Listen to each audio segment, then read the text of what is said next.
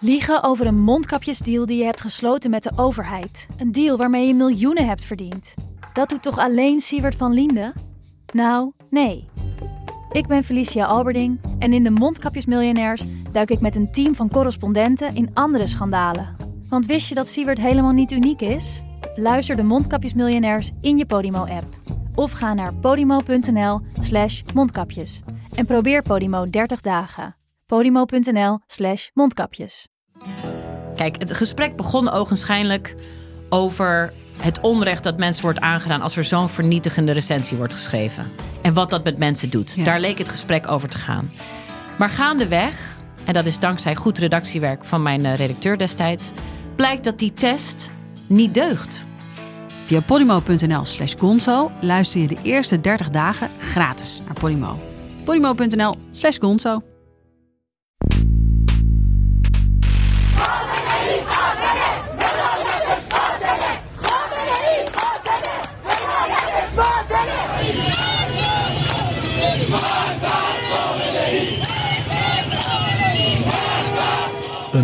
Persische vriend zei tegen mij: Ik hou mij altijd vast, en ik weet dat heel Iran dat doet, hè, aan onze grote profeet, dichter Rumi. Een eeuwig vuur kun je niet doven. Dit is Betrouwbare Bronnen met Jaap Jansen.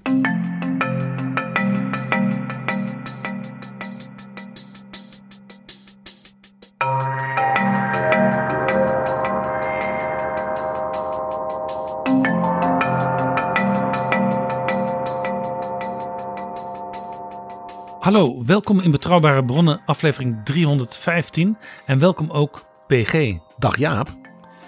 PG, op 16 september stierf Masha Amini, een 22-jarig meisje, jonge vrouw. Zij was opgepakt door de moraalpolitie van Iran omdat ze geen hoofddoek droeg.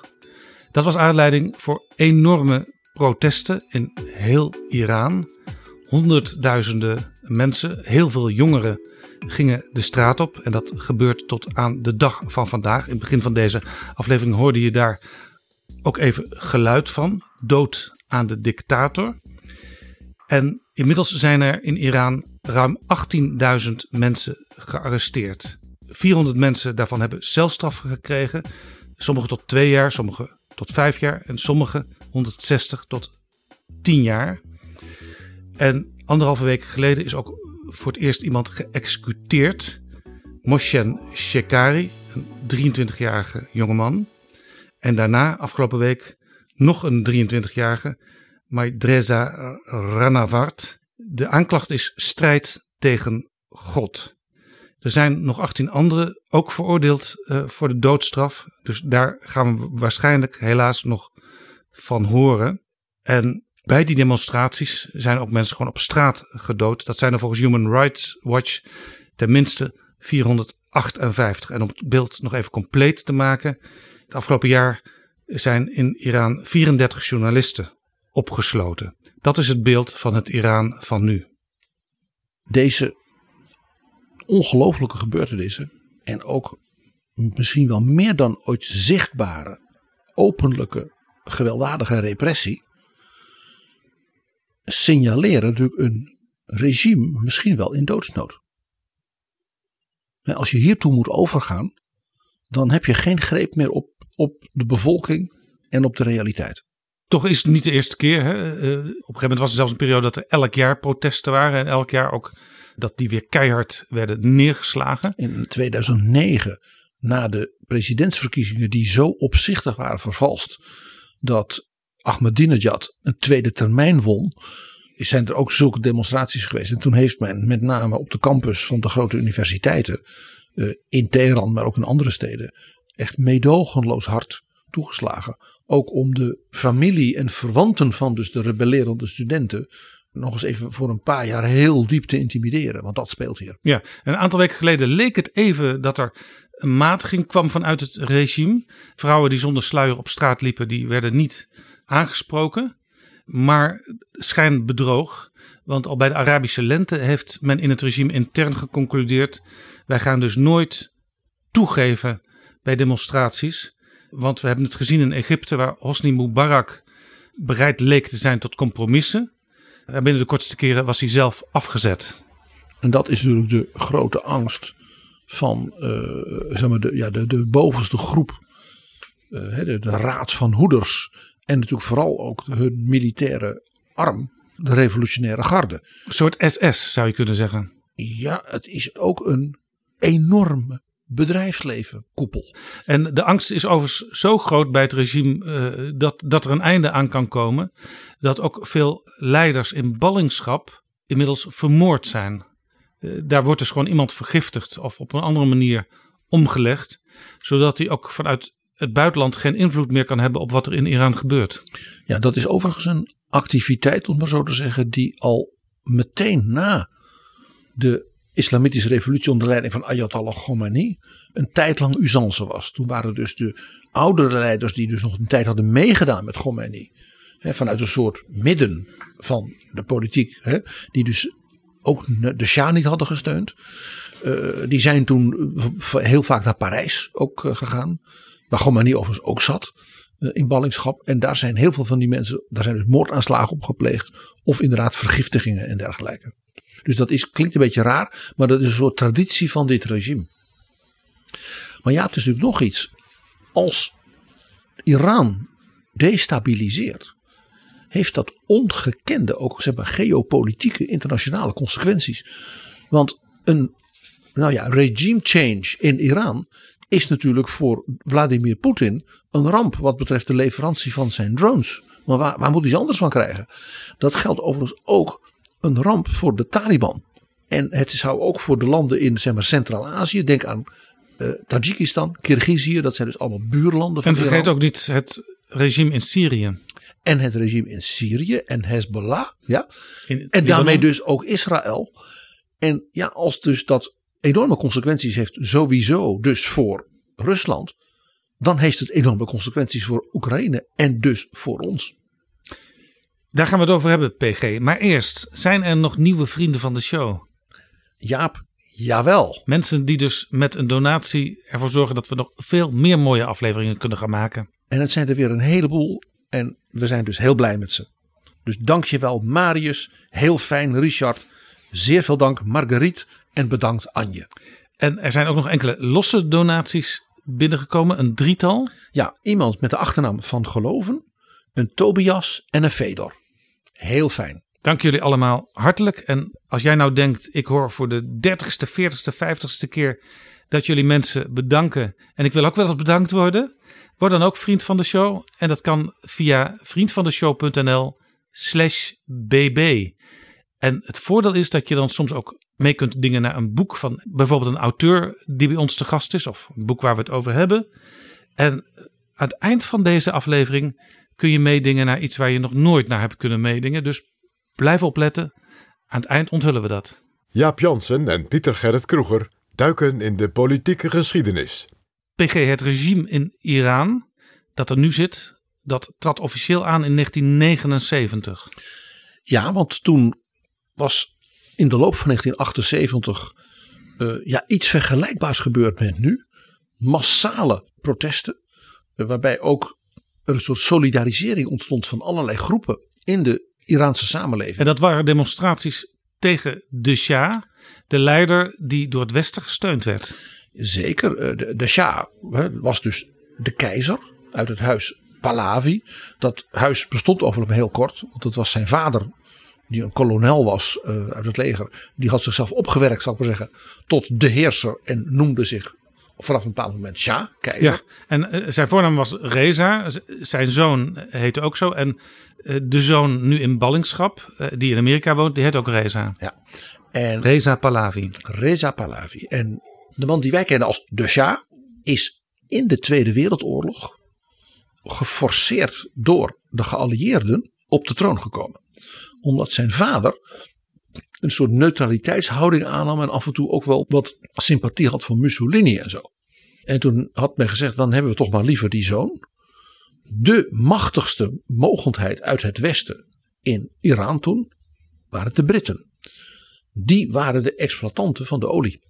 En de Sovjet-Unie had het hele noorden tijdelijk bezet, zogenaamd om te verhinderen dat Iran ging meedoen met Nazi-Duitsland.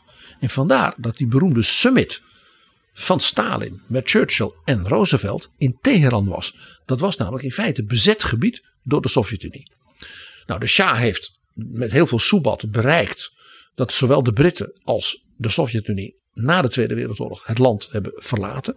De Britten konden, omdat het land in feite bankroet was, de steun, ook militair en de, bij de olieindustrie, niet meer volhouden. Dat hebben toen de Amerikanen overgenomen. En zo werd Iran een soort Amerikaanse vazalstaat, die ook vooral in de greep was van de organisatorische en economische macht van de oliemaatschappij. Iran is het derde olieland ter wereld. Ik ben ooit eens in Iran geweest met de minister van Buitenlandse Zaken van Nederland. En een van de gesprekken die hij toen voerde was met Shell. Want Shell was daar ook betrokken bij de oliewinning. En er is nog een Nederlandse link. Er was ook best wel een grote vriendschap tussen de Shah en koningin Juliana. Ja, Oranjehuis. En die, ik zal maar zeggen, nouveau riche keizers van Iran. Die, uh, ja, die konden het goed met elkaar vinden. Uh, ook omdat dat natuurlijk voor de Shah op het wereldtoneel en intern natuurlijk een enorme uh, ja, zeggen, exposure gaf en status als dus eerbiedwaardige koningshuizen in Europa je wilde ontvangen. En ook jij hen ontving. En er is natuurlijk een heel beroemd moment geweest in 1975 dat de Shah had bedacht dat het keizerrijk Iran onder zijn leiding nu 2500 jaar bestond. En toen is iedereen op visite gekomen en dat heeft geld als water gekost. Ja, dat was uh, in de enorme paleizen van Persepolis. Wat natuurlijk Grieks betekent stad der Persen. He, dus de naam die in feite door Alexander de Grote, toen hij het veroverde, aan die stad gaf. En daar is dus een, soort namaak Persisch uh, paleis gemaakt met enorme tenten. En daar is een enorme parade gegeven met zeg maar, zogenaamde uh, uh, legertroepen uit 2500 jaar geleden. En de hele aankleding en de cuisine en dergelijke kwam allemaal uit Parijs. En het beeld van het Iran voordat de Islamitische Republiek daar startte, was in de steden heel westers. Ja, mensen zagen er eigenlijk uit zoals ze er in Europa en in de Verenigde Staten uitzagen. Maar schijn bedroog een beetje, want als je je met politiek bemoeide, dan kon je de gevangenis in gaan. Ja, de repressie was enorm. Dat kwam ook doordat, doordat de Shah echt een autocraat was. Uh, en ja, zoals in andere autocratische regimes, dan is de persoonlijkheid van de autocraat natuurlijk in hoge mate bepalend voor zeg maar, de outlook van het bewind. Ja, het, het was zelfs zo dat in 1953, toen er een, premier was gekozen uh, die niet naar de zin van de Shah was, toen heeft hij met hulp van het leger die premier om zeep geholpen.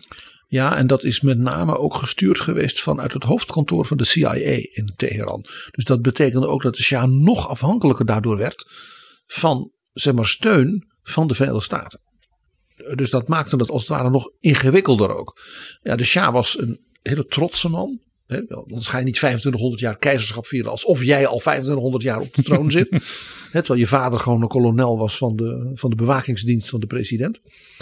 Dus aan de ene kant heel onzeker daardoor ook. En enorm aarzelend. Uh, het idee dat hij een beslissing moest nemen die, die als het ware betekende dat hij kwetsbaar was. Dan was hij eigenlijk door zijn ijdelheid en zijn vreesachtigheid geremd in het nemen van beslissingen.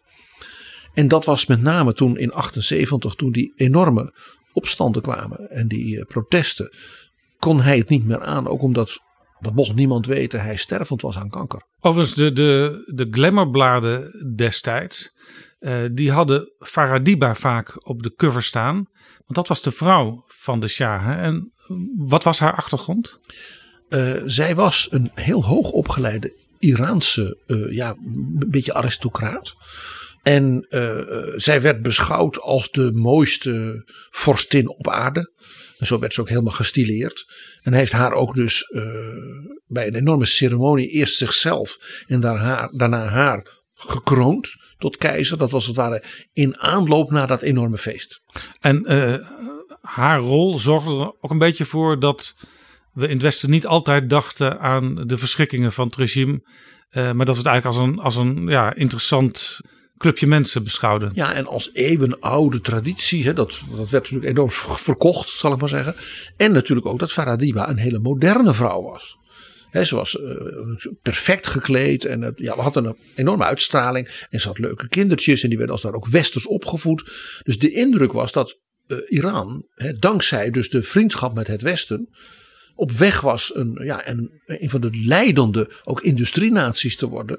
En het tweede was natuurlijk dat de Shah daardoor bijna ongelimiteerd ja, wapens kon kopen. Hij was dus een geweldig belangrijke klant voor zowel de Britse als de Franse als de Amerikaanse wapenindustrie. En wat natuurlijk voor de Amerikanen heel belangrijk was. Als Persisch heerser was hij intrinsiek anti-Arabisch. En was dus ook een grote vriend van Israël. En als er dus bijvoorbeeld uh, een olieboycott zou zijn vanuit de Arabische wereld. Dan kon Iran ons toch nog leveren. En hij was heel erg anticommunistisch. Dus dat was ook fijn. Want ja, die zuidgrens van de Sovjet-Unie van die tijd dicht bij dat warme water van de golf. Dat was natuurlijk toch de oude droom ook van de tsaren. Om daar ooit de baas te worden. En Stalin had niet voor niks ook meteen dat noorden van Iran bezet vanuit het idee. Als de Britten daar weggaan, zit ik aan de golf.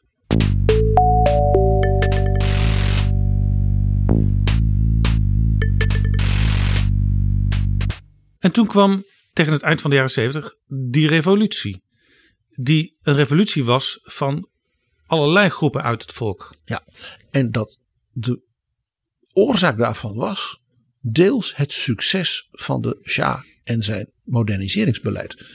Dit is iets wat we in de geschiedenis veel vaker tegenkomen. De tragiek van succes. De Shah ging zo geloven in zijn succes. En hij kon ook laten zien, moet je eens kijken, heel veel meer onderwijs. Vrouwen naar de universiteit. Dat was in de steden zo. En er was ook sprake van een enorme urbanisatie, doordat daar werk was en mogelijkheden. Het betekende ook dat op het platteland, waar het analfabetisme nog volstrekt domineerde. En dus sprake was van dat ja, de mensen die, die wat konden met ambitie gingen allemaal weg. Dat doet ze een beetje denken dus aan het Europa van de 19e eeuw ook. En dus op het platteland zakte als het ware het levenspeil. En de mensen die in die steden kwamen van het platteland, ja, die begonnen natuurlijk helemaal onderaan. Dus er was een hele serie groepen die zeiden: ja, wij doen niet mee met die enorme welvaart en al die prachtige kansen. en, die, en die verwestersing is dus in feite een bedrog. Men ging dus die verwestersing door de Shah zien ja, als een, als een soort, soort boze film. Die ertoe leidde dat de rest van de samenleving, het platteland, ook de vrome mensen eh, ja, in allerlei groepen. En ook de mensen aan de onderkant zeg maar, van, de, van die nieuwe industrieën. Het proletariaat. Omdat ze ja, niet voor ons. En tegelijkertijd waren er politiek gesproken liberalen en ook socialisten. Die het in ieder geval anders wilden dan wat de Shah presteerde. En dus die enorme repressie. Uh, met de beruchte Savak geheime dienst, uh, die tot de meest, meest gruwelijke op aarde behoorde, daar wilden zij natuurlijk van af. En toen kwam er nog iets bij, Jaap. Dat was de oliecrisis. dus de olieboycott, waarom in Nederland uh, de, de autoloze zondag kwam. De Shah ging pompen om met name de Verenigde Staten, maar bijvoorbeeld ook Duitsland, uh, te helpen. En werd dus schathemeltje rijk. Want de prijzen die hij daarvoor kon vragen, en dat ook deed natuurlijk in de markt, waren de prijzen die dus de Arabische boycott voor hem hadden geregeld. En hij zorgde er niet voor dat de bevolking mee profiteerde. Nou ja, hij probeerde dat wel, maar hij kocht er vooral ook heel veel wapens van. Uh, want hij was dus ja, dus ook bang, zwak en ook begon paranoïde te worden, ook door zijn ziekte. En uh, er was natuurlijk een tweede effect, een gierende inflatie. Want al dat geld kon men ja, in Iran zelf uh, moeilijk besteden. Ondertussen PG zat in Parijs in ballingschap Ayatollah Ruhollah Khomeini. Waarom zat hij daar? Omdat hij vanuit de heilige stad Kom al jaren in preken en in brochures en vooral op, op kleine tapes uh, gebeden en vervloekingen en van alles deed tegen de Shah. En die tapes dat was zeg maar de YouTube van nu? Exact.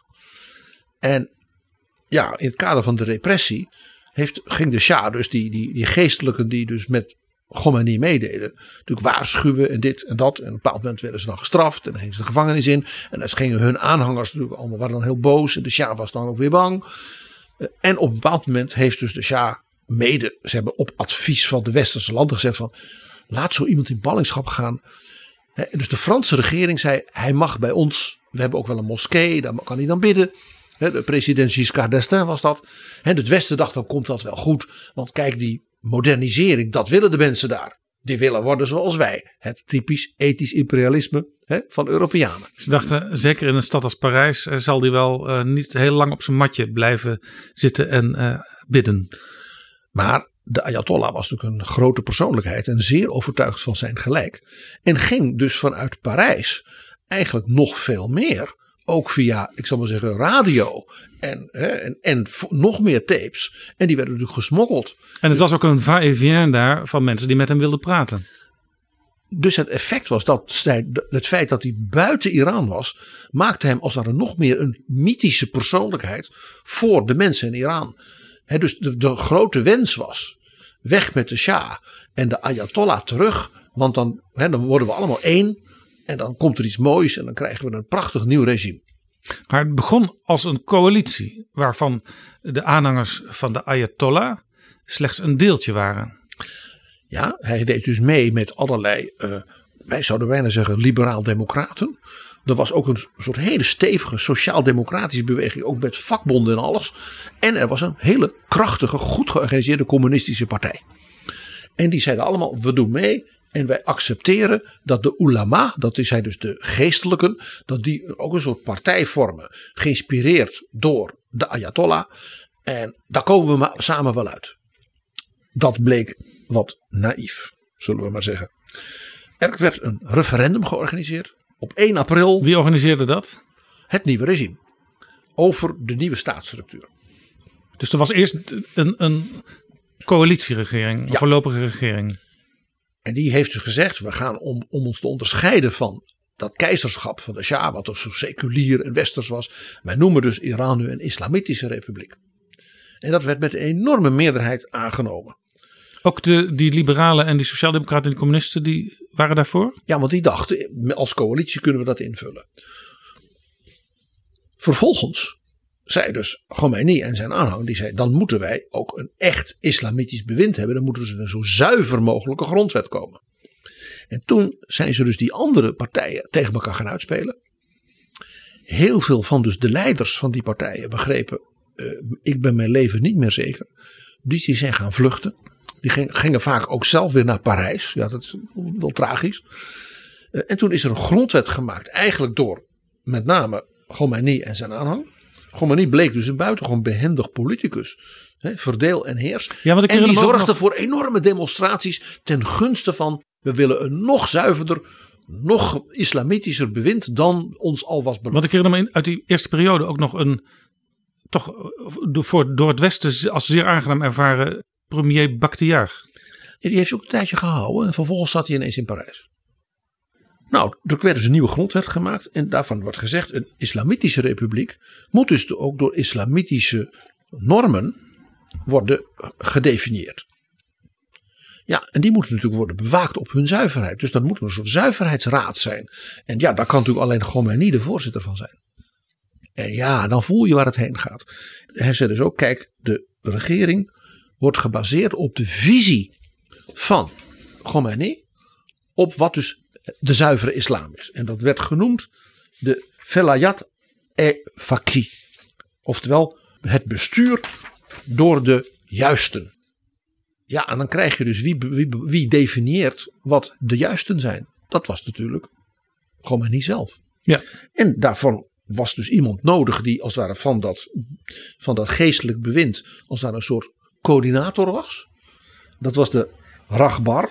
En die kreeg bijna onbeperkte bevoegdheden. En je raadt het al, wie natuurlijk als eerste tot Ragbar werd aangewezen. Dat was Ayatollah Khomeini. Ja. En er was de Raad van Hoeders, eh, de Raad van Hoeders van de Grondwet. En zij kunnen altijd elk besluit van het parlement ongedaan maken. Ze hebben in feite vetorecht.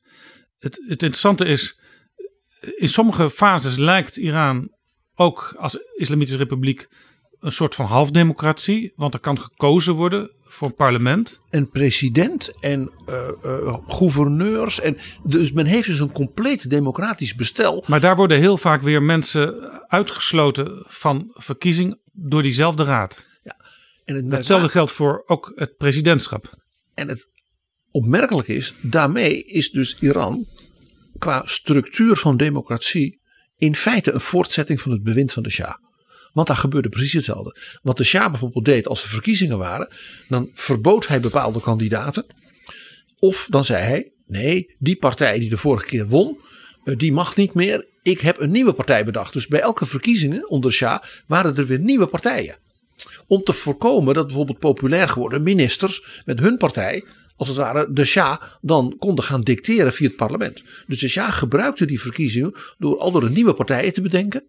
Waarbij dan ervoor zorgde ook soms door de districten aan te passen. Een soort gerrymandering. Dat dan de hem welgezinde kandidaten een meerderheid hadden. Ja, en toch leidde dit systeem een paar keer tot een verkiezing van een president die wel, die wel enigszins, enigszins zeg ik, liberaal of progressief was in bepaalde opzichten. Nou ja, dat zijn termen die wij gebruiken. Maar zo'n president had altijd weer te maken met uh, de Raad van Hoeders.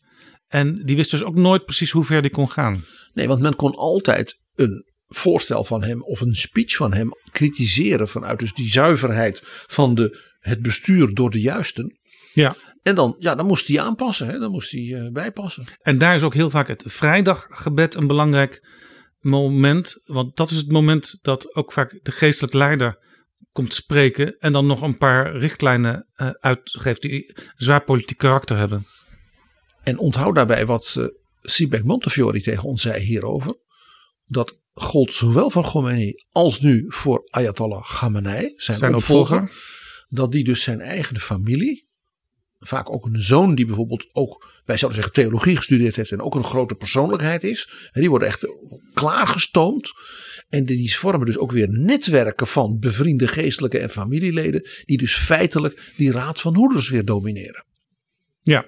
Dus, dus ook daar weer is dus sprake van een bijna dynastiek soort bewind met verkiezingen. Ja, toen ik in Iran was, toen ontdekte ik uit gesprekken met, met mensen die dan soms iets meer vertellen dan, dan ze geacht worden te doen. Dat er in feite een aantal families aan macht waren. Die ook per familie een deel van de economie in handen hadden. Bijvoorbeeld de familie van de toenmalige Kamervoorzitter. Die had het monopolie in handen op make-up spullen.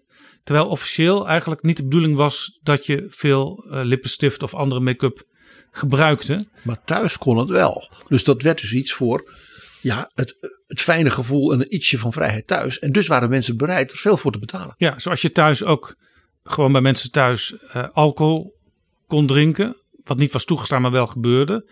En zoals vaak ook op het dak van het huis een satellietschotel stond om toch naar de internationale televisie te kunnen kijken. Ja. En ook naar de, de oppositietelevisie vanuit het buitenland. En dit zie je dus eigenlijk in alle autoritaire vormen van bewind. Is dat men voortdurend een balans ja, zoekt tussen wat de macht toelaat als uitlaatklep, om maar zo te zeggen, en wat de macht absoluut niet toelaat. En? He, in de DDR wist men dat iedereen Westfernsehen keek. He, en de enige deel van de DDR waar je dus de Duitse, West-Duitse televisie niet kon ontvangen, was de streek in de Elbe dalen bij Dresden. En dat werd dan ook das Taal der Ahnungslosen genoemd. En dat was omdat die antennes daar gewoon niet uh, genoeg bereik hadden. Ja. En dit is dus ook in een land als Iran speelt dit dus op, die, op bijna identieke manier. Dit zit dus heel erg in dit type regime. Ja, en je ziet het ook vaak, dat zal nu langzamerhand minder zijn, omdat natuurlijk satellieten en internet uh, op veel plaatsen te ontvangen is. Maar dat in rurale gebieden, ook waar minder mensen op grotere gebieden wonen, uh, daar weet men soms vaak een aantal dingen uh, minder goed dan in de steden. Dat in de steden daar, daar ook zelfs als internet verboden is of afgeknepen is, kan men toch genoeg dingen te weten komen. Ja, er is een, eigenlijk een soort permanente strijd in Iran. Zeg maar een soort cyberwar. Een cyberwar burgeroorlog tussen mensen die wel op Twitter en Facebook kunnen. En mensen waarvan dat dan wordt afgeknepen, maar dan bedenkt men weer een soort, soort, soort, soort omweggetje. er zijn dus ook heel veel hele slimme cybertalenten in Iran. Die daar dus ook gewoon hun studie van betalen en dergelijke. En winkeltjes hebben. Om als het ware dus de, het afknijpen van het internet door het regime te kunnen omzeilen. Daarom ook een oproep aan mensen die bijvoorbeeld op Twitter zitten. Of Facebook of op andere sociale media. Eh, als je informatie ziet uit Iran of over Iran. Retweet het regelmatig. Want uh, de kans is dan groter dat het ook meer terechtkomt in Iran zelf. Nou is natuurlijk een belangrijk moment geweest, ook voor wat er nu gebeurt. Uh, is dat toen Ayatollah Khomeini zijn bewind als het ware helemaal uitgespreid. En ook tot een steeds, steeds dieper in de samenleving, ook naar het lokale niveau, had doorgevoerd. Dat er een wet van de Shah door hem werd gebruikt. om als het ware een aantal hele belangrijke ja, ja, fundamentele veranderingen door te voeren. Die wet was uit 1967 de wet voor de bescherming van het gezin. De Shah was natuurlijk een man met een goed hart voor het Iraanse gezin. Waarin dus onder andere ook was opgenomen dat meisjes dezelfde rechten hadden als jongens op onderwijs en dergelijke. Dat was echt een van de dingen van de Shah. En dat was dus ook die tragische kant van zijn grote succes. Dat dat zo enorm aansloeg. En voor de Ayatollah was dit lastig, want die kansen van meisjes op onderwijs was iets waarvan hij wist: als ik dat ga afknijpen, dan krijg ik problemen. Daarbij waren bovendien allerlei zeg collega-Ayatollahs die zeiden: nee, de Koran zegt dat ook je dochter ja, moet de, de Koran kunnen lezen, moet dus kunnen bidden, moet dus kunnen leren. Dus het zou dus anti islamitisch zijn. Als je dus op dat punt de rechten van vrouwen en meisjes zou inperken. Bovendien was voor de islamitische praktijk van het land ook nodig dat vrouwen goed studeerden. Want bijvoorbeeld, eh, je had vrouwen nodig als jurist. Als arts, als leraar. Om vrouwen te helpen. Want het was niet de bedoeling dat eh, vrouwen door mannen geholpen werden of andersom. Maar er waren dus in ieder geval op de arbeidsmarkt gewoon heel veel vrouwen op alle niveaus nodig. En dat was dus op een bepaalde manier dus te danken aan de Shah. Dat er dus al zoveel vrouwelijke dokters en leraren en hoogleraren en R&D en alles op alle niveaus. Dat was een groot succes. En dus dat was zowel voor de economie Hè, zelfs ook gewoon voor de olie-economie nodig. Hè, geologen en wat dan niet. Als, hè, werd, er werd als het ware een soort religieuze saus overgegooid. Van ja, die vrouwen zijn ook nodig omdat dan vrouwen vrouwen kunnen helpen. Maar ja, het regime wou natuurlijk toch ja, dat, dat element van, van, van die islamitische ideologie die zij hadden.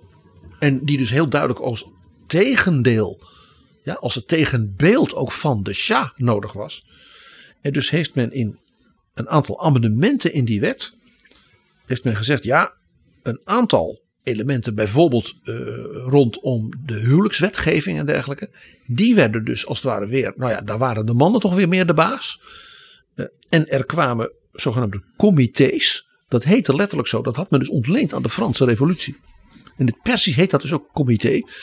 En dat waren dus groepen mannen, die als het ware uh, aangestuurd door het bestuur van de moskee, dus in de wijk de zedelijkheid gingen, gingen bewaken. Ja. Dat werd gebracht natuurlijk als zo worden vrouwen extra beschermd tegen het kwaad. Ja, nou was dat in de Franse Revolutie had het natuurlijk niks met de zedelijkheid bewaken te maken. Overigens die comité's die ken ik ook uit Cuba, waar ik een paar jaar geleden was, eh, waar ze nog steeds in elke straat te vinden zijn. En dat is dus ook zo'n ideologisch autoritair nee, dictatoriaal regime. Je ziet dus hoe het Comité du Salut Public van Robespierre zijn islamitische versie kent en ook zijn Caribisch-communistische versie kent.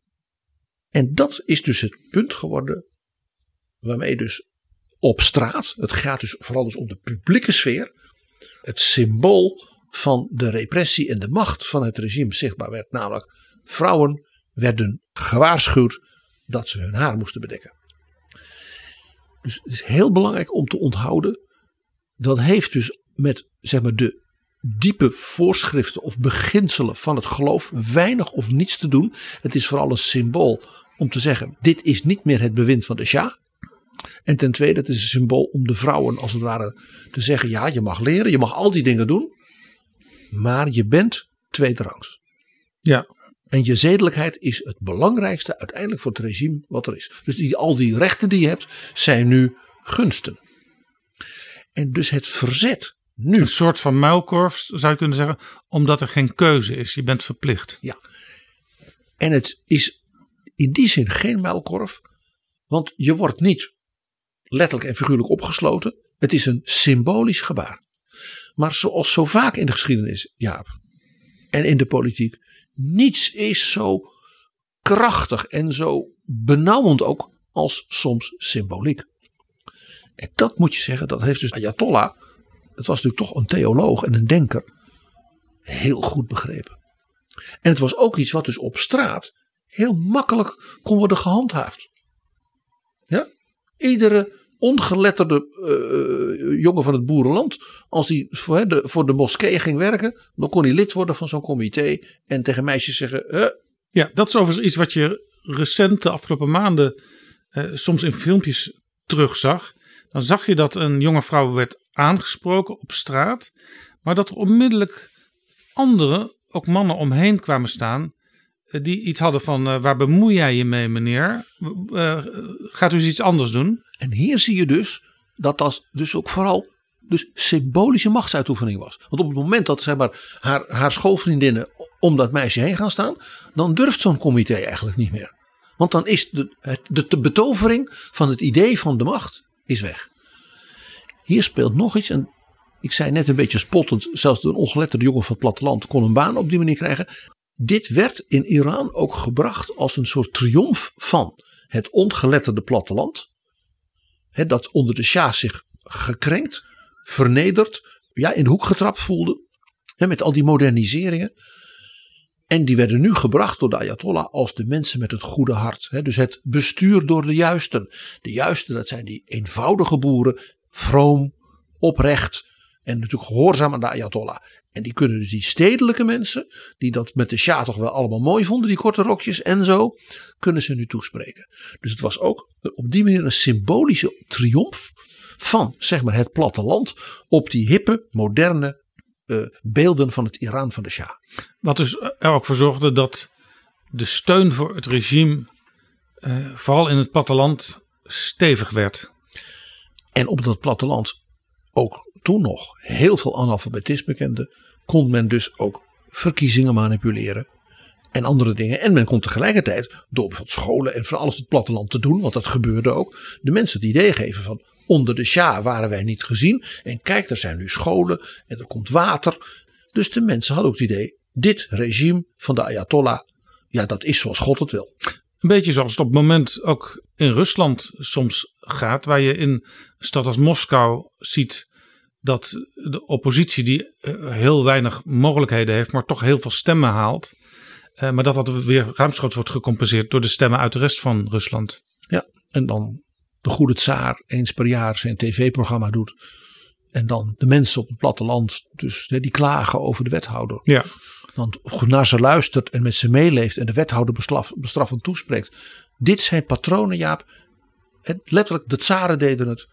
De Ayatollah doet het. Fidel Castro deed het. Hè? Zoals jij nu liet zien. Het is heel herkenbaar. Het is dus een echte, klassieke, autoritaire, ook wat feodale dictatuur. En in die zin is het inderdaad, heeft men er bewust voor gekozen. We gaan in de tijd terug van de Shah naar in feite de oude tijden.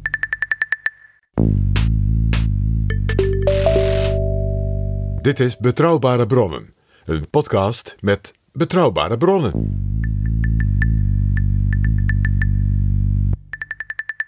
We zien die demonstraties. Mensen hebben er genoeg van. Maar dat heeft ook te maken met uh, natuurlijk de stand van de economie. Iran heeft te lijden van boycotts van het Westen. Het eten is vaak onbetaalbaar. Medicijnen zijn schaars. De inflatie is enorm. Ondertussen uh, heeft de wapenhandel geen problemen in Iran. En dat alles culmineert in dat ene gebaar, namelijk je sluier afwerpen. Maar Jaap, er is nog een factor waar je, en dat is begrijpelijk, in de berichtgeving nu weinig of niets over hoort. En dat loopt al wat langer. Dus dat is al onderhuids een hele tijd gaande. Er zijn eigenlijk in heel Iran een soort mini-burgeroorlogen gaande. Dorpen tegen dorpen, wijken tegen wijken, platteland tegen stad. En weet je waarom? Om het water. Er is dus sprake van een hele grote, wij zouden zeggen, milieucrisis rondom verdroging, verwoestijning, het uitputten van de waterputten zeg maar, diep in de grond. Men is daar dus ook slordig mee omgegaan heel lang.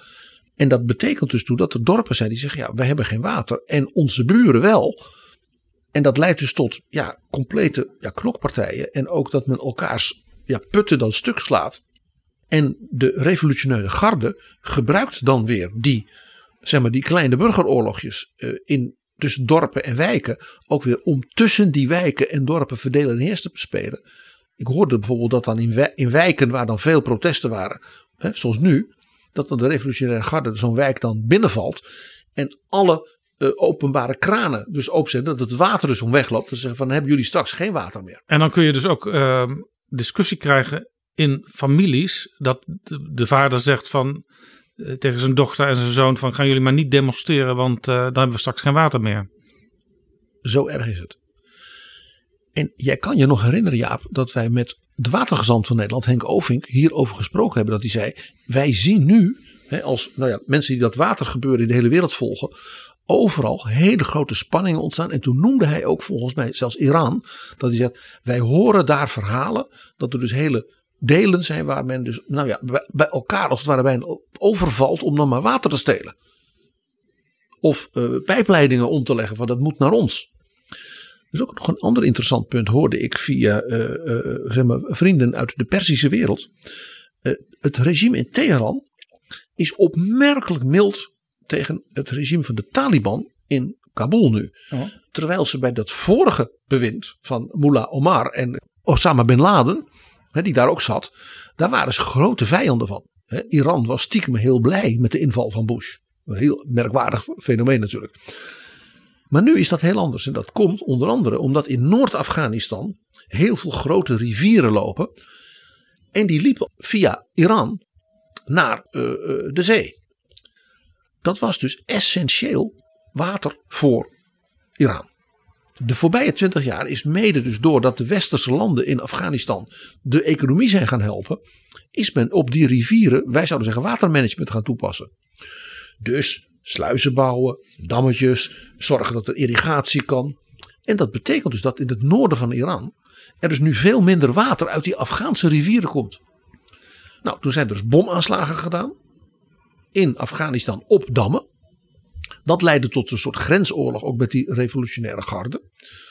En nu is er een soort, ja, nou ja, halve vrede uh, uh, tussen de Taliban en Teheran. Waar de Taliban zegt: nee, we zorgen dat jullie wel genoeg water krijgen, maar onze dammetjes moeten het ook doen. En zo heeft de Taliban, dus als het ware, veel minder last van uh, ook politieke pressie en militaire pressie uit, Teher uit Teheran dan het vorige Taliban-bewind.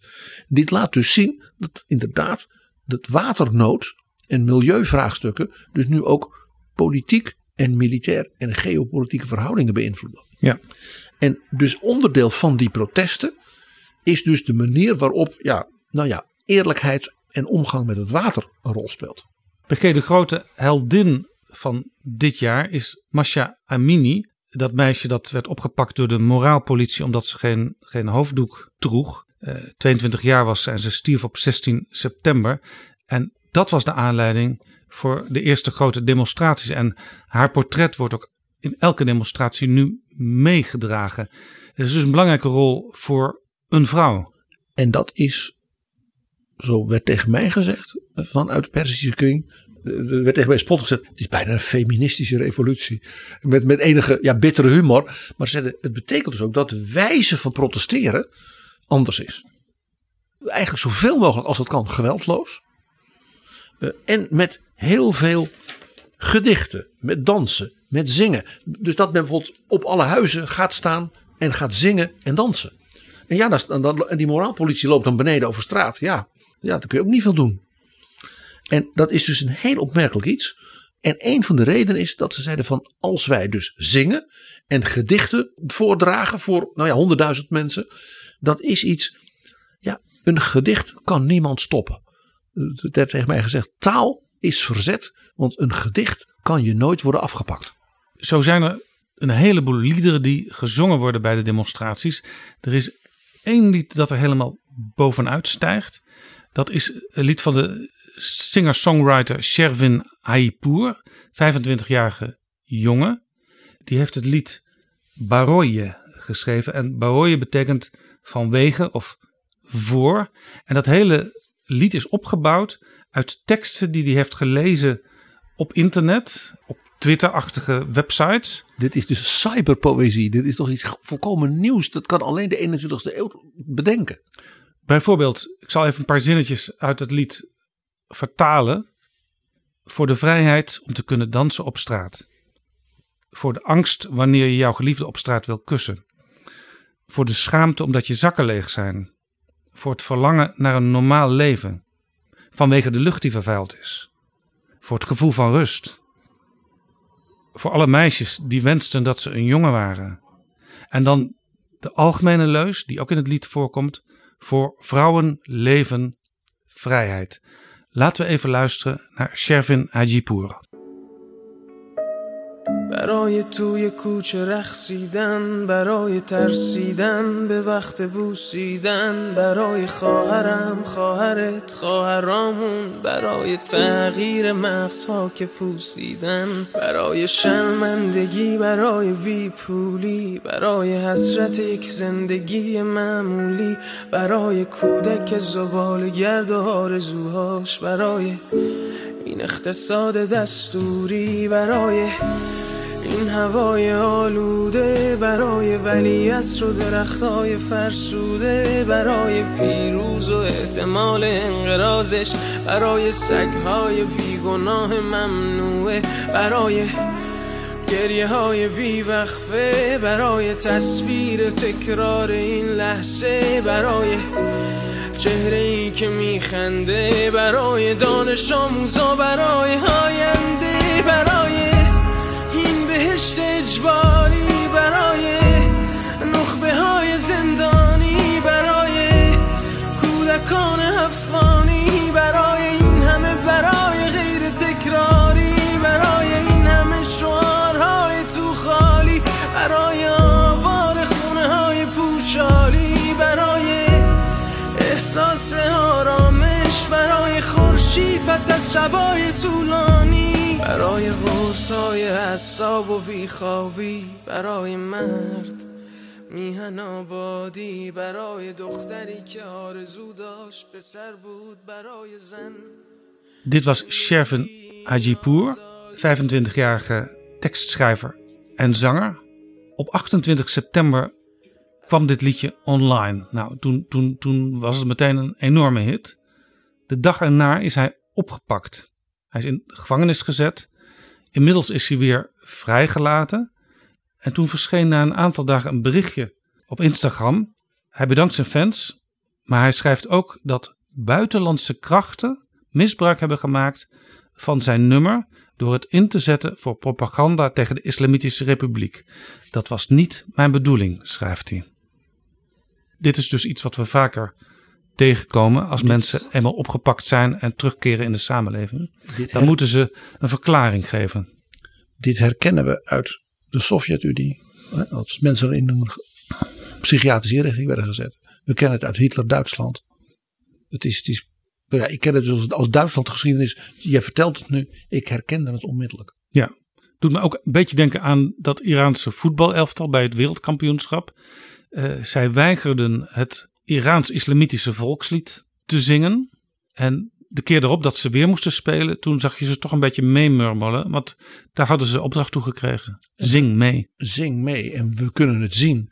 En doe je dat niet, dan gaat je familie dat merken. Ja, en Dit, zelfs, weet je, zelfs als je heel populair bent in de samenleving, dan ontloop je dat lot niet. Want het regime heeft het idee, dan stellen we een daad. Er is bijvoorbeeld een profvoetballer, Amir Nasr Azadani, 26-jarige jongen, die dreigt geëxecuteerd te worden op dit moment, omdat hij campagne heeft gevoerd voor vrouwenrechten en voor, voor vrijheid.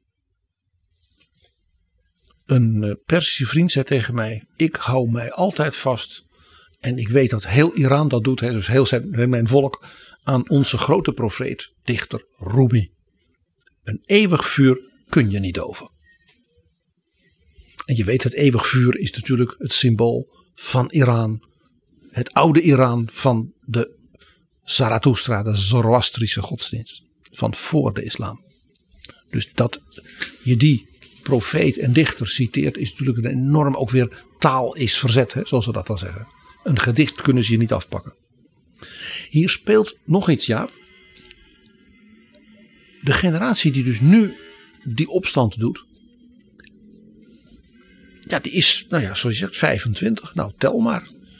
Dan ben je dus in 1997, 1998. Die hebben dus helemaal geen herinnering meer. Ook geen associatie meer met de emoties en de dromen van de tijd van de val van de Shah. Ja. En de ja, eerste tijd van Khomeini. En ook niet, dat is een heel belangrijk punt hier. Van dus die periode, zeg maar de eerste tien jaar van Khomeini. Die natuurlijk werden gedomineerd door de oorlog tegen Saddam Hussein. Waarbij dus werd gezegd, een Iranier, een ware Iranier is een martelaar. Die is bereid te sterven. Hè, en dan kom je in het paradijs, dat, dat, dat weet je. Want dat doe je voor de Shia islam en voor de Ayatollah tegen die ketter en die verschrikkelijke ook natuurlijk Saddam Hussein. Ja. Daar hebben zij dus helemaal geen Nee. associaties meer mee. Het land is al decennia relatief jong. Dus dat betekent inderdaad dat ja, 80% is van na die revolutie. En er is in de voorbije twintig jaar is er natuurlijk iets heel aparts gebeurd. Ten eerste, je had het al over het internet. Nou, je, je hoort dus, je hebt dus een zanger die dan van het internet cyberpoëzie maakt. Die dat dan op zijn Instagram gooit. Die dan op zijn website zegt van ja, ik had het zo niet bedoeld. Dat is natuurlijk allemaal volstrekt 21ste eeuws en alles behalve middeleeuws. Iran is door die jonge bevolking en doordat hij zo hoog opgeleid is. Ik zeg dus spottend mede dankzij de Shah. eh, dus enorm ja, voor, ook ten opzichte van heel veel andere landen in dat opzicht. Men is dus zeer gretig ook in het leren van andere talen. Ook als communicatie nog iets van de wereld ja, naar je toe kunnen halen. En is de voorbije twintig jaar nog iets gebeurd. De voorbije twintig jaar, ja, tot recent, was natuurlijk buurland Afghanistan. Waar een hele grote Persische minderheid is. Die dus allemaal familiebanden en cultuurbanden hebben. eh, met dus de mensen in Iran. Was natuurlijk relatief ja, vrij. Dat klinkt gek. Dat je daarvoor mensen in Iran was Afghanistan. En zeker de Persische eh, bevolking daar. Een soort voorbeeld van ja, iets van democratie en vrijheid kan best. Ja, want een deel van de Persen, om het maar even historisch zo te noemen, woont in Afghanistan. En woont in eh, Irak, in Koerdistan. Dus, eh, Irak heeft, is in meerderheid Shia gelovig. En dat geldt ook voor zeg maar, in de Caucasus en dat geldt ook voor Midden-Azië. Perzië van de cultuur, de taal, de kunst is een hele grote gemeenschap op de wereldkaart.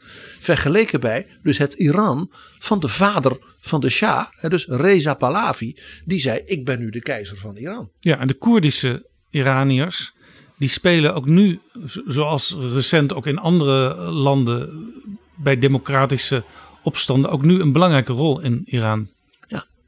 En, en, en dus ook hier weer, dus die gem- gemeenschappelijke cultuur, taal, kunst, muziek, liederen, ja, die zijn dus meer dan alleen in Iran. De mensen in Afghanistan, ja, die, die begrijpen dat ook. En de mensen in Iran hadden dus de voorbije twintig jaar zoiets van, als het in Afghanistan kan, waarvan ze ook wel wisten dat is een niet zo hoog ontwikkeld land, ook economisch, eh, ten opzichte van Iran. Waarom kan het bij ons dan niet?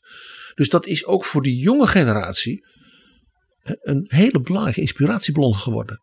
Iets wat wij natuurlijk hier in het Westen niet zien. Want wij dachten Afghanistan, och, och, och, eh, En er is natuurlijk ook toch voor mensen in Iran een soort logica dat het Westen, waar ze veel van weten, omdat je dat nu eenmaal binnenkrijgt via eh, de media, ook al zijn die niet altijd door het regime gewenst dat, dat je daarnaar kijkt of luistert. Eh, maar het Westen, ja, eh, boycott economisch.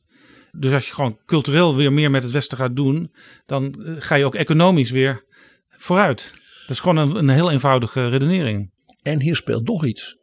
Want ik zei al, internet en hè, rolmodel Afghanistan. Dat is toch ja, uniek eigenlijk dat we dat, dat het zo bespreken. En er is natuurlijk een derde factor. Dat is natuurlijk de enorme Iraanse diaspora.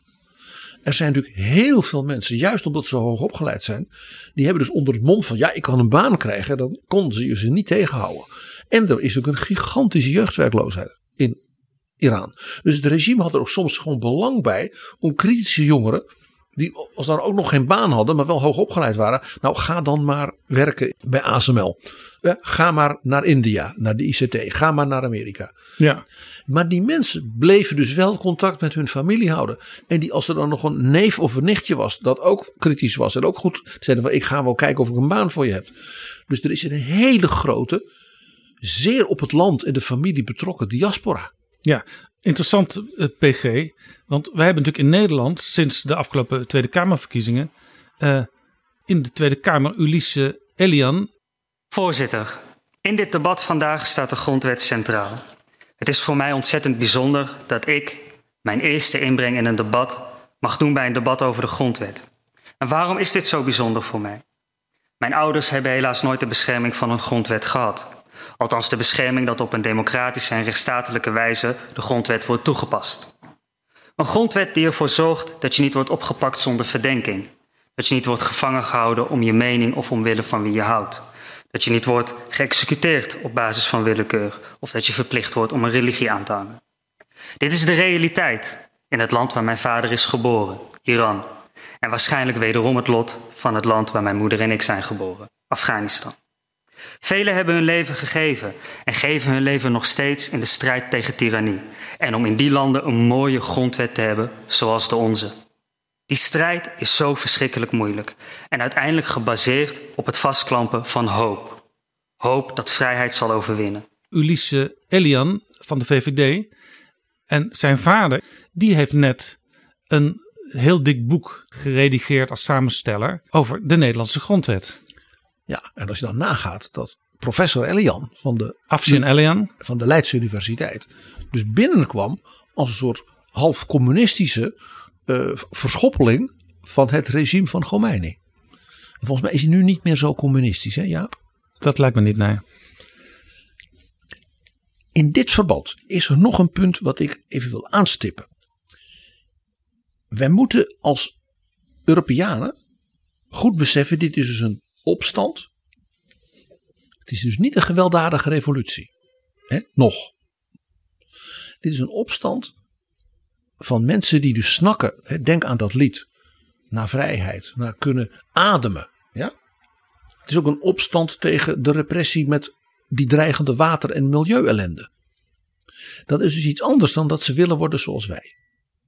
Het is dus niet een pro-westerse uh, opstand. Men wil dus die vrijheid, men wil ook democratie, maar dat betekent niet dat ze ook uh, als het ware Kim Putters en de Ser willen.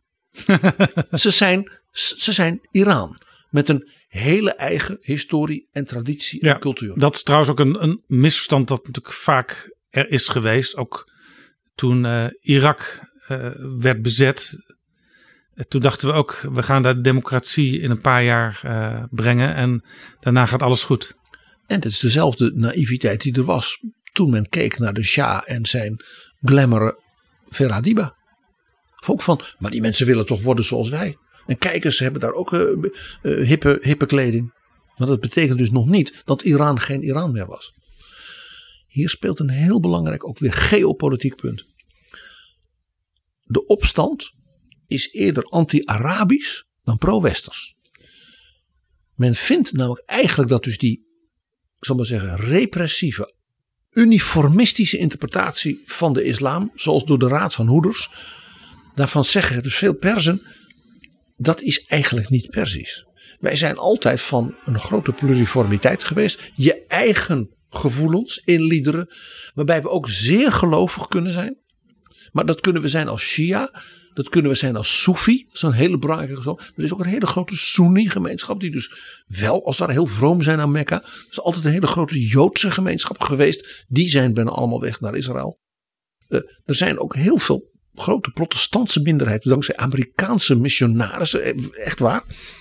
En dat is in Perzië altijd, dat heeft men altijd met elkaar gekund, zoals men ook, ook die hele oude uh, Zoroastrische vuuraanbidding nooit als ware gestopt heeft. Dat kon altijd.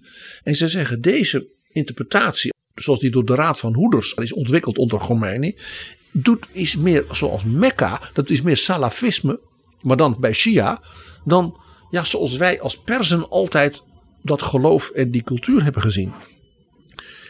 Daarbij kwam dat dus Mekka en de Arabische mullahs, om maar zo te zeggen, altijd hebben gezegd: ja, die Persen, die zijn niet zuiver in de leer.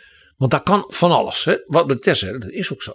Men heeft dus vanuit Mekka heel lang bijvoorbeeld verboden dat de Koran in het Persisch werd vertaald. Ze moesten maar Arabisch leren, want als ze het gingen vertalen, dan gingen ze dat weer op die eigen, zeer poëtische, ja, literair prachtige manier in het Persisch doen. En dan is het natuurlijk geen zuiver tekst meer, zoals Allah die aan Mohammed doorgaf. Dus men vindt vaak in Iran dat de Saoedi, die ook vaak natuurlijk als hun grote vijand worden gezien, dat die dus vooral ook culturele chauvinisten zijn. En dat is nou precies wat dus de Persen niet willen. Nee. Dus die vrijheid waar ze nu over roepen, is dus op een bepaalde manier, het klinkt raar als ik dat zeg, anti-Arabisch. Namelijk dat is anti-nationalistisch, chauvinistisch en maar één manier van geloven toestaan. Ja, overigens heeft eh, het regime er wel voor gezorgd dat die relatief jonge bevolking. Uh, ik heb eventjes het weekblad Knak van deze week erbij genomen. Daar wordt verwezen naar enkele opiniepeilingen. Waaruit blijkt dat twee derde van de bevolking geen religieuze wetgeving meer wil. Want dat werd dus helemaal ingevuld op de hele harde manier door die Shiïtische leiders. Die hun interpretatie eraan gaven. En ook 60% van de bevolking bidt niet meer. Dus dat is nog even iets anders. Want bidden is natuurlijk iets, zou je kunnen zeggen, heel persoonlijks. Maar is ook een heel publiek iets hè, in zulke landen. Er is dus ook wel een, een hekel aan het idee van religie in het algemeen, denk ik, bevorderd door dat regime. Hier speelt ook bij dat dat bidden, dat moet je ook zien, dat is een publiek iets hè, in de islam. Vijf keer op een dag, dat is een ritueel en dat moet iedereen kunnen zien dat je dat doet. Wij zijn, ja, wij zijn westerlingen. Wij denken bidden is iets persoonlijks.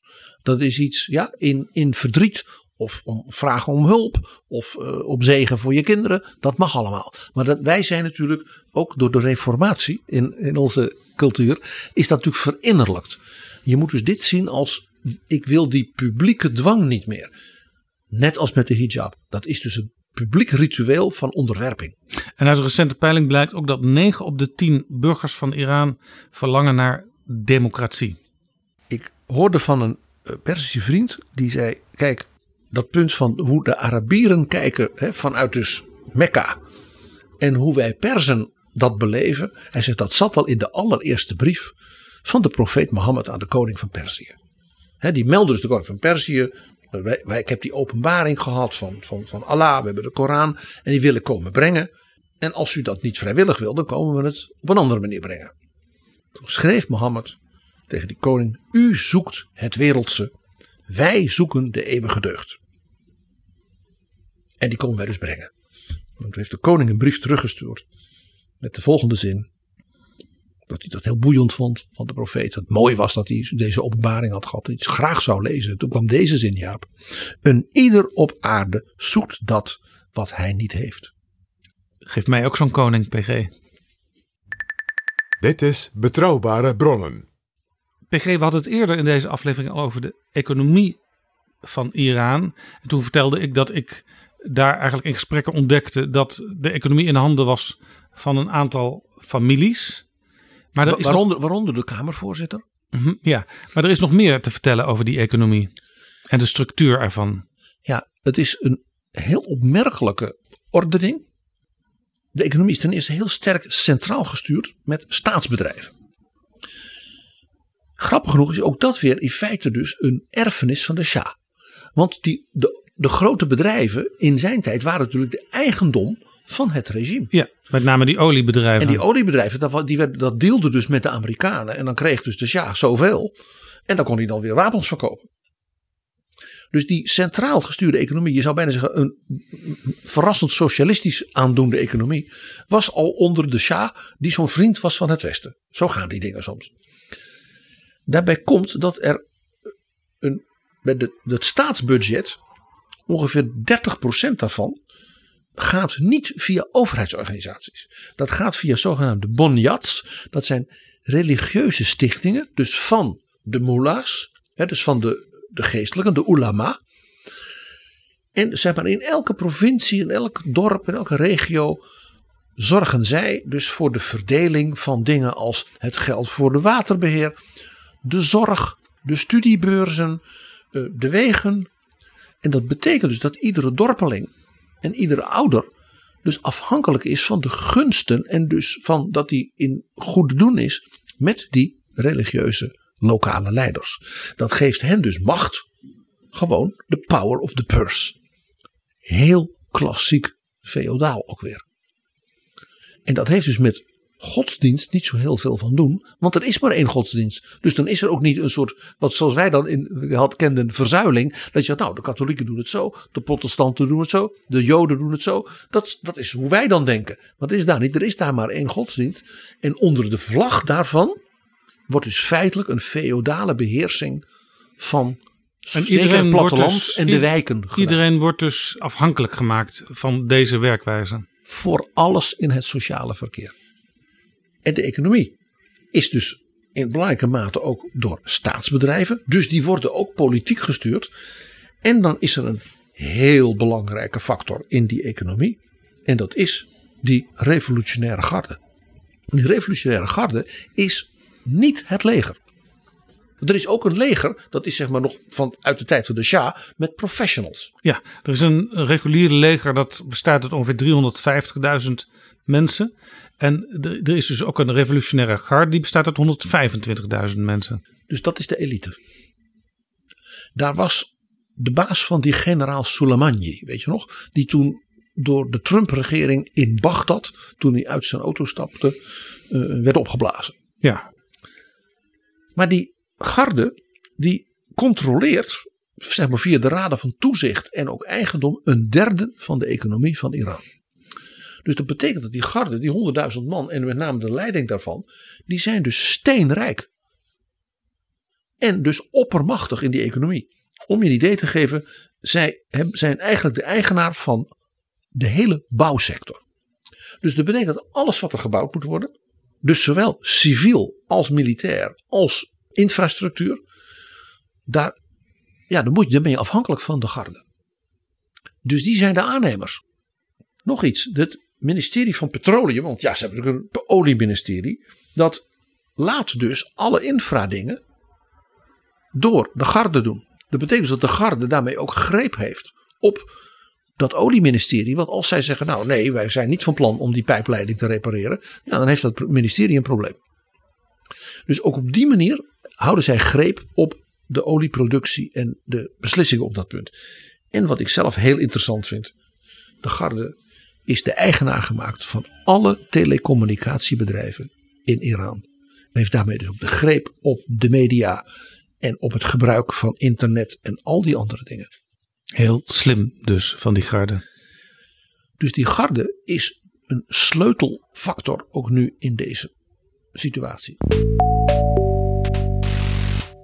PG, jij bent historicus. Eh, je hoort natuurlijk wel eens, ja, die Perzische cultuur, dat was me wat.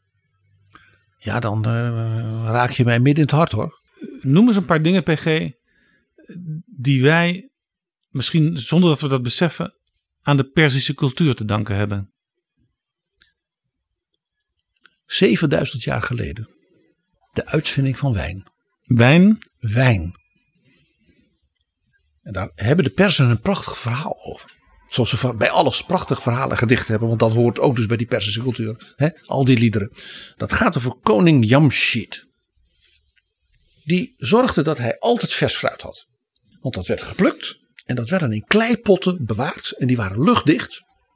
Dus als hij dan trek had, dan sloeg men een kleipot stuk. En dan had hij dus vers fruit. we spreken nu 5000 jaar voor de christelijke jaartelling. Zeker. En hij heerste onder andere over het Zagros-gebergte in het noorden van Iran. En daar zijn bij opgravingen 5000 jaar oude wijngaarden aangetroffen. Op een dag moest een van de bedienden dus voor hem zo'n kleipot met druiven halen, want daar had hij trek in. En de bediende ontdekte dat er een klein luchtgaatje in had gezeten. Het was niet helemaal dicht geweest. Oh, Dus dat was gaan gisten. Dus de bediende dacht, oeh, ik krijg natuurlijk stokslagen. Dus die heeft een andere kleipot genomen. En de koning had niks gewerkt. Lekkere druiven. Gelukkig. Dus de bediende denkt, wat doe ik met die gistende kleipot? Dus die heeft hij weggezet. En de loop van de avond. Hij kreeg zo'n hoofdpijn, een soort migraineaanval. En die heeft dus dat gegiste spul van die druiven dan maar gedronken. Dan had hij even iets fris. Dacht wat lekker. En dus die halve kleipot leeggedronken. En één ding viel op. Hij heeft ontzettend lang en lekker geslapen. En de volgende ochtend geen migraine meer. Drie dagen later. De koning heeft een migraineaanval. Dus de bediende die zegt ik weet iets. Die heeft het restje van die kleipot met die gegiste druiven aan de koning geserveerd. De koning heeft hem rijk beloond de volgende dag, want het was weg. En heeft toen gezegd: vanaf nu mag geen druif meer in een kleipot zonder gaatje. Dat is het verhaal van de uitvinding van wijn. Per ongeluk dus eigenlijk. En daarom zeggen de persen ook dat je druiven dus moet bevrijden. Want de bestemming van de druif is wijn worden. En dus het feit dat in het huidige regime dat niet mag, daarvan zeggen dus de persen, de druif is zoals wij. Wij mogen niet ons door God bestemde lot krijgen. Namelijk als vrij mens ons ontplooien en kunnen zingen hè, met mooie wijn en goed leven. Ja. En ze zeggen dus, de druif en de pers zijn lotgenoten. Een van de grootste uitvindingen dus van de Persische cultuur. Die wordt in feite ontkend door het Mullah-regime. En alle grote dichters, en dat zijn er heel veel van de Persische cultuur, die hebben het allemaal over. Bij een goed glas wijn, met vrienden, met liefde. Dat is juist zo kenmerkend voor de Persische taal en de Persische cultuur. Nou, ja, mag ik iets anders noemen? Het hele idee van bankieren, een geordende, wij zouden zeggen, eh, draagkracht gebaseerde belastingssysteem. En ook dat je dingen kunt betalen zonder geld te gebruiken via een cheque. Dat is allemaal bedacht en uitgevonden en toegepast door de grote heersers van het huis van de Achmeniden. Dus de, dat zijn de keizers van Iran, van Perzië, die toen uiteindelijk door Alexander de Grote zijn verslagen. Die hadden een heel groot rijk van zeg maar, eh, de rivier de Indus, wat in Pakistan is nu, tot dus Macedonië.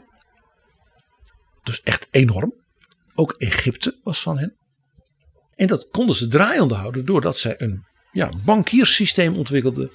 Waarbij dus ook via documenten waarop stond u heeft recht op zoveel. Die kon je dan bij het bureau van de keizer brengen. Hè, in Egypte of in Palestina of in Libanon of in Turkije hè, zouden wij nu zeggen.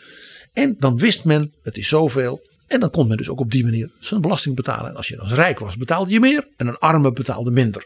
Dat hele idee komt dus uit dat Perzische Rijk en was dus heel gedetailleerd en precies, wij zouden zeggen, bureaucratisch geordend. Weet je hoe zo'n document waarmee je kon betalen heette? Een bonchak. Het woord cheque komt uit het Persisch. Dus een, zeg maar een betaalcheck. Maar eh, ook het woord check, dus van eh, nagaan, controleren of iets klopt. Het is een werkwoord geworden. In onze westerse cultuur. Maar een goede check danken wij aan Darius en Cyrus. Xerxes. Nou dan voor Nederland, ja dat moet toch even worden genoteerd. Ik hoop nu dat de Turkse Nederlanders even niet luisteren.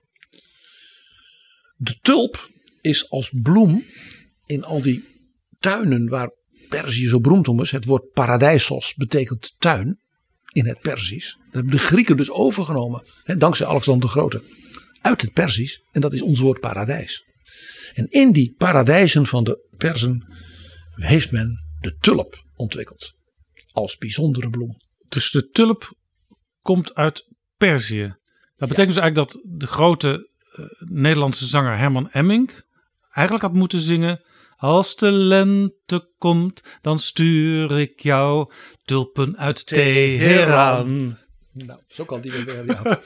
Zal ik dan weer even weer naar iets nuchterders toe gaan? Ik merk duidelijk dat de wijn van koning Jan Beschiet op jou werkt, Jaap.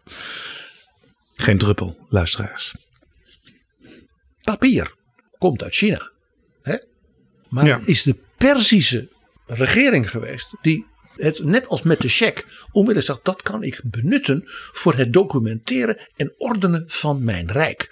En dat werd natuurlijk overgenomen door de collega's in Bagdad. En je weet, Bagdad was de grote Arabische islamitische hoofdstad van kunst, cultuur en macht. En kwam zo vanuit Bagdad in onder andere El Andalus in Zuid-Spanje. Dus papier als Chinese uitvinding is als het ware als, als toepassing, hè, bijna HBO-achtig, Innovatie. innovatieve toepassing door Perzië gekomen. Dan wil ik naast natuurlijk de ik al genoemde dichter en profeet Rumi, die voor tot de dag van vandaag door alle Perzen wordt vereerd, twee namen noemen uit de wetenschap. Ten eerste de man Avicenna. Die leefde tussen ongeveer 980 en 1040. Avicenna, dat is één naam. Avicenna. Je hoort het al, dat klinkt Latijn. Dat is ook zo, dat is de Latijnse naam zoals die is onthouden in de medische wetenschap, ook in Europa. En dat is eigenlijk een verbastering van zijn Arabische naam. Ik zei al, de Arabische heersers zeiden een pers mag pas publiceren dat wij het kunnen controleren of het wel klopt hè, volgens de islam. Dan moest hij een Arabische naam gebruiken. Avicenna is de grote ja, medicus eh, eh, van zijn tijd. Hij heeft dus een kanon van de medicijnen geschreven. Dus alles wat hij wist en zijn tijd wist. Wat en wat hij ook had geanalyseerd. Over, Weet je de Humboldt van de medicijnen? Ja, en een soort encyclopedie ook. Die is in de hele wereld van toen vertaald. En kwam ook weer natuurlijk via Cordoba en Sevilla en Granada ook weer in Europa. En via Sicilië, waar dus die contacten waren met de islamitische wereld. In feite heeft hij daarmee de basis gelegd voor wat wij nu de moderne medische praktijk en medicijnen toepassing. Van hoe doe je dat? Waar moet je op letten? Hij was natuurlijk heel praktisch. En het was iemand die zei, ja, dat zegt dan wel de, de, de mythe, of dat zegt dan wel de Koran, of dat zegt dan wel de, de sprookjes. Maar ik controleer of het klopt. Dus hij is ook de man van de experimentele methode. Evidence-based, dat is ook zoiets van hem. En dan heb je het over iemand rond het jaar 1000. Ietsje later daarna, zeg maar, zeg maar 1050, 1130, was er, was er de grote geleerde Choyong. En dat is een van de, dat is zeg maar echt de Humboldt van zijn tijd. Die was zowel een van de toepassers van de eenvoudige wetten van de algebra op een heel groot mathematisch systeem. Wat natuurlijk essentieel was voor ook ja, economie, bestuur, alles waar je rekenwerk bij nodig had. En hij was een groot astronoom. En omdat hij dus dacht als mathematicus, maar observeerde als astronoom, Oh ja. keek hij en dan zei hij van ja, maar als ik nou zie hoe die sterren bewegen, als ik zie hoe die planeten bewegen, als ik zie hoe de aarde dus staat ten opzichte van die sterren en die planeten. Wij draaien om de zon, de zon niet om ons. Deze man heeft dus rond het jaar 1100 de eerste bewijsvoering geprobeerd te leveren in een soort studie van waarom hij het niet anders kon met mathematische bewijzen dan dat de aarde om de zon heeft. Het is een van de grootste ja, experimentele geleerden in de wereldgeschiedenis.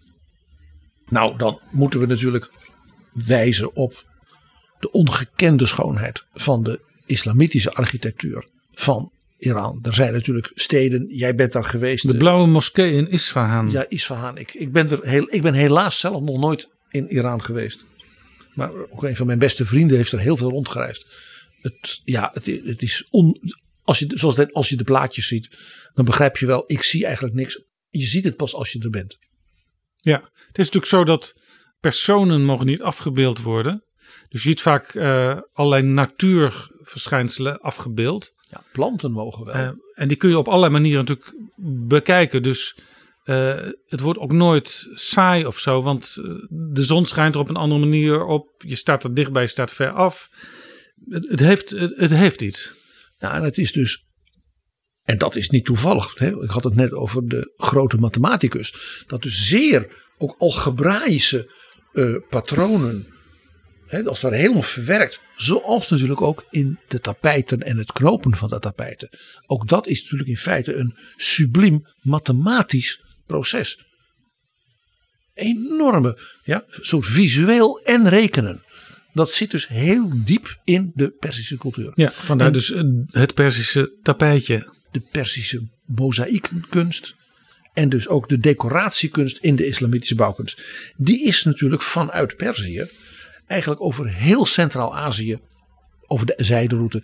Denk aan steden als Samarkand, Boekhara in het zuiden van de Sovjet-Unie was dat. En nu eh, Oezbekistan en dat soort landen. Dat was dus allemaal Persische kunst. Met natuurlijk als ja, absolute hoogtepunt daarvan. In het India van de Mughal. Met Akbar de Grote en natuurlijk Shah Jahan, Ja. de bouwer van de Taj Mahal. De Taj Mahal is natuurlijk een volstrekt Persisch gebouw. Alleen, ja, ik zeg het een beetje ondeugend, on steroids. Ik bedoel, dat is zo indrukwekkend, zo groot. Maar eigenlijk iedere decoratie en ieder ontwerp ervan is te herleiden op de, op de klassieke Persische bouwkunst en En decoratie. dat zullen ze in India niet altijd erbij zeggen. Nee, maar er is nog iets hierbij. Dit heeft natuurlijk, doordat India na de Mughal door de Britten werd bestuurd, via het empire, dus die enorme wereldwijde verspreiding gekregen. Dus de Persische kunst is als het ware via het Mughal-rijk en de, ja, de weergave van die kunst, de inspiratie daarvan, in feite wereldwijd iets geworden. Want heel veel eh, eh, ook in de mode en in het ontwerp en in alle mogelijke dingen, als het ware die in de 19e eeuw werden ge- ge- gebruikt, die kwamen uit het empire en kwamen dus uit, dan zei men uit India. Maar feitelijk was het dus Persische cultuur, Persische decoratie en Persisch ontwerp. En ja, en daar rond ik dan, als het gaat om de inspiratie in Europa, mee af. Dan zal je denken, PG, daar kom je weer. Inderdaad. Wie is de grote dichter geweest die de Persische dichtkunst zelf vertaalde en zo inspirerend vond? Met name het werk van de dichter Hafiz, dat is een beetje de, ja, de nationale dichter van Perzië. Dat is Johann Wolfgang von Goethe. Die heeft- Goethe, Goethe heeft aan het, in de laatste decennia van zijn leven, toen was hij een oudere die man. wij recent nog besproken hebben met Andrea Wolf als deel van de Jena-kring. En zeg maar 20 jaar later, 25 jaar later, ontdekte hij, dankzij zijn vriend Wilhelm van Humboldt, de grote taalkundige, de bijzondere waarde van dus de Oosterse poëzie en het bijzonder die uit Perzië.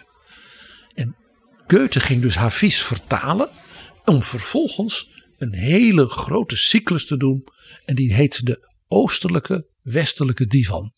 Dus dat zijn Duitse originele teksten, maar geïnspireerd op de manier van dichten, het taalgebruik, het metrum, de vorm van de gedichten van Hafiz.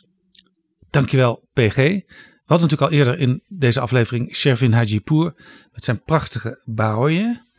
Laat er nog een klein stukje van horen, want het, het, het geeft meteen weer energie om door te gaan. Ook voor al die mensen die een band hebben met Iran. En in ieder geval die ook Iran eh, nabij zijn in de gedachte dat het daar beter moet worden. Veel beter. برای مرد میهن آبادی برای دختری که آرزو داشت پسر بود برای زن زندگی آزادی.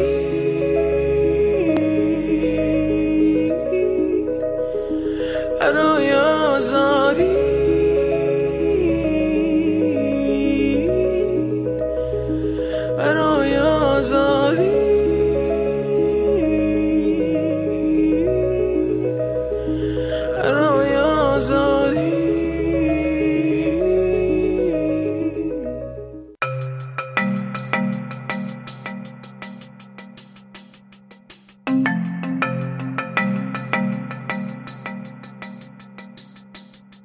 Zo, dit was Betrouwbare Bronnen aflevering 315. Deze aflevering is mede mogelijk gemaakt door de vrienden van de show, luisteraars die ons zo waarderen dat ze er ook een kleine geldelijke donatie voor over hebben. En voor de mensen die al vriend van de show zijn of het nog snel even worden, hebben wij een kleine verrassing. PG, Jaap, wij hadden het al over koning Jamshid en die kleipotten met die druiven. waar die wijn uitgevonden werd, Ja, doordat er een gat in zat. ja. Laat ik nou voor de vrienden van de show van het Persische restaurant en wijnbar De Filosoof in Den Haag drie flessen Parsi-wijn kunnen uitdelen onder onze luisteraars. En Parsi-wijn, dat is dus wijn uit de Persische gemeenschap in Iran en Afghanistan. Die men heeft meegenomen en in Italië bij een wijnboer dat die druif wel zijn bestemming krijgt. Namelijk dat er wijn van gemaakt wordt. En die, die flessen worden beschikbaar gesteld door Ofram, de uitbater van het restaurant De Filosoof, die wij zeer dierbaar zijn. We hebben ook een aantal keren bij hem mogen eten. En hij is een enorme fan van onze podcast. Ook nog wil ik erbij zeggen wat wij zeer waarderen. En die zei: Ik heb nog een klein restje van zeg maar, de wijn die hij dit jaar geleverd had gekregen uit Italië. Van de Parsi-wijn. Dat is rode wijn. En een drietal daarvan stelt hij beschikbaar. Dus En wie dat wil hebben. Als jij daarvoor in aanmerking wil komen, dan moet je even het bericht lezen op de site vriendvandeshow.nl slash bb. En als je nog geen vriend bent, dan kun je dat bericht nou net niet lezen. Eh, waarschijnlijk heb je je als vriend ook al aangemeld voor de nieuwsbrief. Dan kun je hem op die manier ook lezen. Daar staat in hoe je kunt meedingen naar zo'n fles. En de gedachte van Ofran was dat hij zei: Ik hoop dat de luisteraars van Betrouwbare Bronnen. met die prachtige rode wijn. Bij hun kerstdiner zullen klinken op de mensen in Iran. En dan ook extra kunnen klinken op een democratisch Iran. Misschien wel het begin daarvan in het nieuwe jaar 2023. Tot volgende keer. Betrouwbare bronnen wordt gemaakt door Jaap Jansen in samenwerking met dag en nacht.nl.